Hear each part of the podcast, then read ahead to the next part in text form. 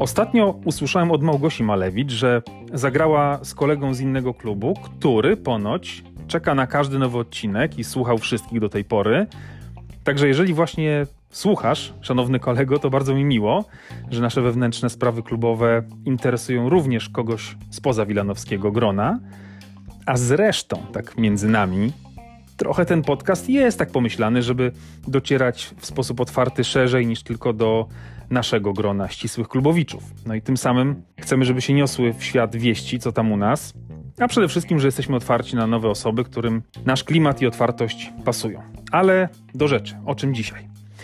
Zakończyły się właśnie klubowe Mistrzostwa Polski kobiet i seniorów. Stety, niestety w tym samym czasie kobiet w Postołowie, seniorów na Polu Sierra i o tych drugich seniorskich mistrzostwach mogę powiedzieć ciut więcej, bo byłem na nich osobiście. Ale zacznijmy elegancko od podziękowań dla dziewczyn. Eliny, Doroty, Rej i Anety.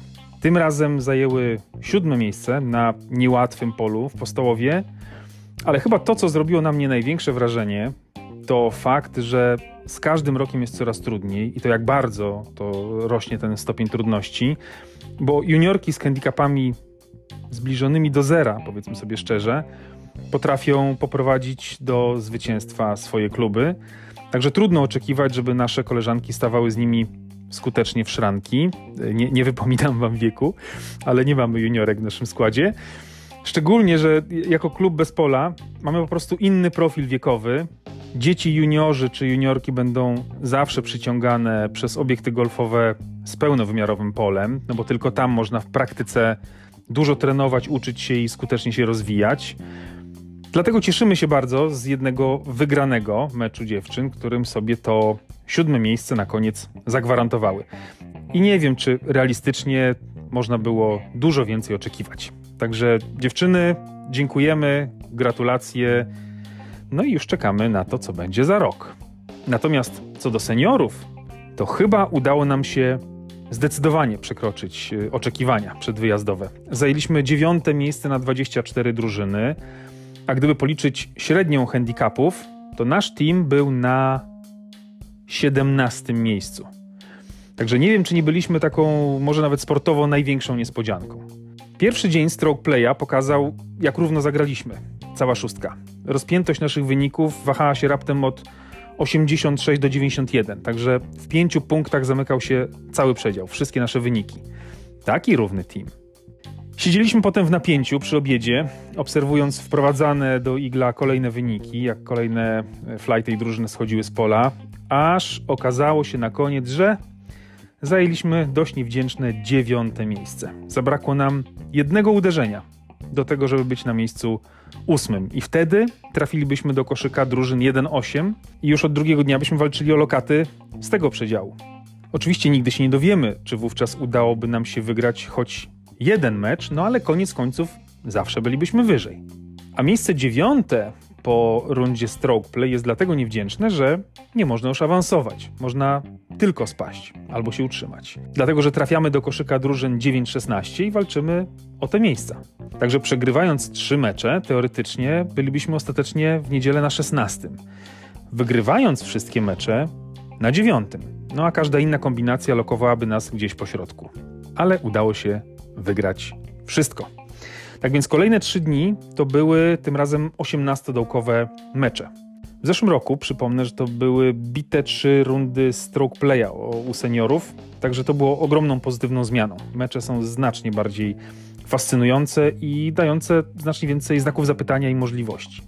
Czterech z nas grało mecze indywidualne, jeden na jednego, a na końcu szedł Forsam, który też walczył o jeszcze jeden piąty punkt. W piątek wygraliśmy z Blackwater, w sobotę z Binowem, chociaż tego meczu baliśmy się nawet bardziej, a na koniec w niedzielę zmierzyliśmy się z Olimpikiem, też bardzo groźnym. No i wszystkie trzy mecze, jak już wspomniałem, udało nam się wygrać. Nie wiem, czy kiedyś nasza reprezentacja na jakiekolwiek mistrzostwa wygrała wszystkie mecze. Nam się udało. Przypomnę, że rok temu byliśmy na miejscu 15, teraz na 9, więc zdecydowanie poprawiliśmy nasz rekord historyczny. I ciekawostka taka miła zespołowo, że każdy z kolegów punktował. Także każdy dołożył cegiełkę do końcowego sukcesu. Jednak Tomek Radwan dołożył aż trzy cegiełki, wygrał trzy swoje mecze i jego wkład przez to okazał się największy. Także brawo dla Tomka, jest naprawdę w gazie. Kolejna ciekawostka to fakt, że tylko dwie drużyny z 24 wygrały komplet trzech meczów. Mistrzowie z Sierry, bo gospodarze wygrali wszystko, i my, nikt inny. Nawet drużyna z miejsca 17, czyli najlepsza z koszyka trzeciego, nie mogła się tym pochwalić. Ha, bo niestety odwołano grę trzeciego dnia dla drużyn 17-24. Generalnie chyba największy szok dla nas to była szybkość greenów. Nie wiem, czy to było 11 czy 12 w skali Steam, a o takich liczbach się słyszało, ale szybszych greenów w Polsce nigdzie nie widziałem, nawet zbliżonych do tego. Trzy paty były na porządku dziennym. Mnie się nawet trafił czteropat, który pierwszego dnia popsuł mi wynik i humor dosłownie na przedostatnim dołku. Ale prócz szybkości greenów, na Sierze istotnym czynnikiem jest jeszcze ich pofałdowanie i nachylenie, a także miejsce lokowania dołków, które czasami przyprawiało o złość i nieomal o płacz. Paweł Lis na przykład nie trafił krótkiego pata, mijając dołek nieco z boku, ale piłka po prostu zaczęła się cofać, bo Paweł grał pod górę i fartownie wpadła od góry, wracając. Na długich patach coś takiego może się zdarzyć, kiedy się piłka rozpędzi na dużej górce, ale na krótkich, kiedy mija dołek tylko trochę i mimo wszystko się nie zatrzymuje, no to pokazywało, że czasami te dołki były naprawdę, naprawdę na fatalnym spadku. Także znacznie więcej było przykładów na niewpadanie niż wpadanie i więcej było żalu niż wybuchów radości z tego tytułu. Także greeny i miejsca wycięcia dołków były jednym z głównych tematów ożywionych dyskusji w wielu drużynach po każdej niemal rundzie, no ale trudno było dla wszystkich w taki sam sposób. Nie wiem, czy mogę, czy powinienem się przyznać, ale to była moja pierwsza wizyta na Sierze i byłem tym miejscem zauroczony. Piękne widoki, naturalnie pofalowany teren, rewelacyjna pogoda nam się trafiła, spanie na miejscu w bungalowach, więc nigdzie nie trzeba było jeździć, nawet mały basen, który świetnie nas regenerował po grze każdego dnia. No po prostu bajka, niemal wakacje.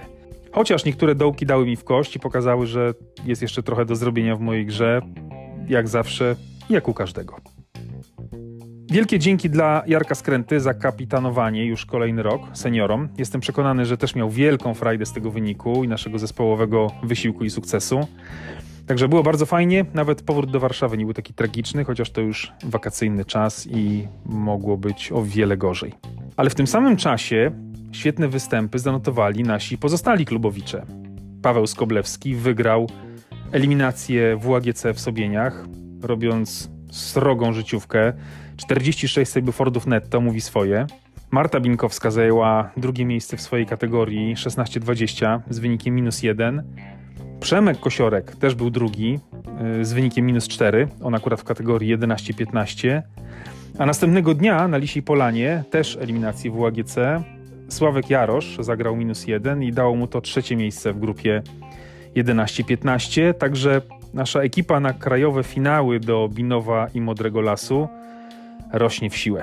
Ale będzie najazd w końcu sierpnia. Już sobie ostrzymy zęby. No i last but not least, trzeba wspomnieć Wiktorię Pietrza, która wygrała w Rajszewie kategorię netto Mistrzostw Polskiego Stowarzyszenia Golfa Kobiet. Zagrała minus 10, czyli takie samo 46 Stablefordów netto, co Paweł Skoblewski. Także co za wyniki ten lipiec przynosi. Brawa dla wszystkich. Można jechać na zasłużone wakacje. Chyba, że ktoś startuje w klubowych Mistrzostwach Polski mężczyzn dywizji drugiej we Wrocławiu, a to już bardzo niebawem. Także 12-osobowa brygada powoli się pakuje i w drugiej połowie tygodnia gramy.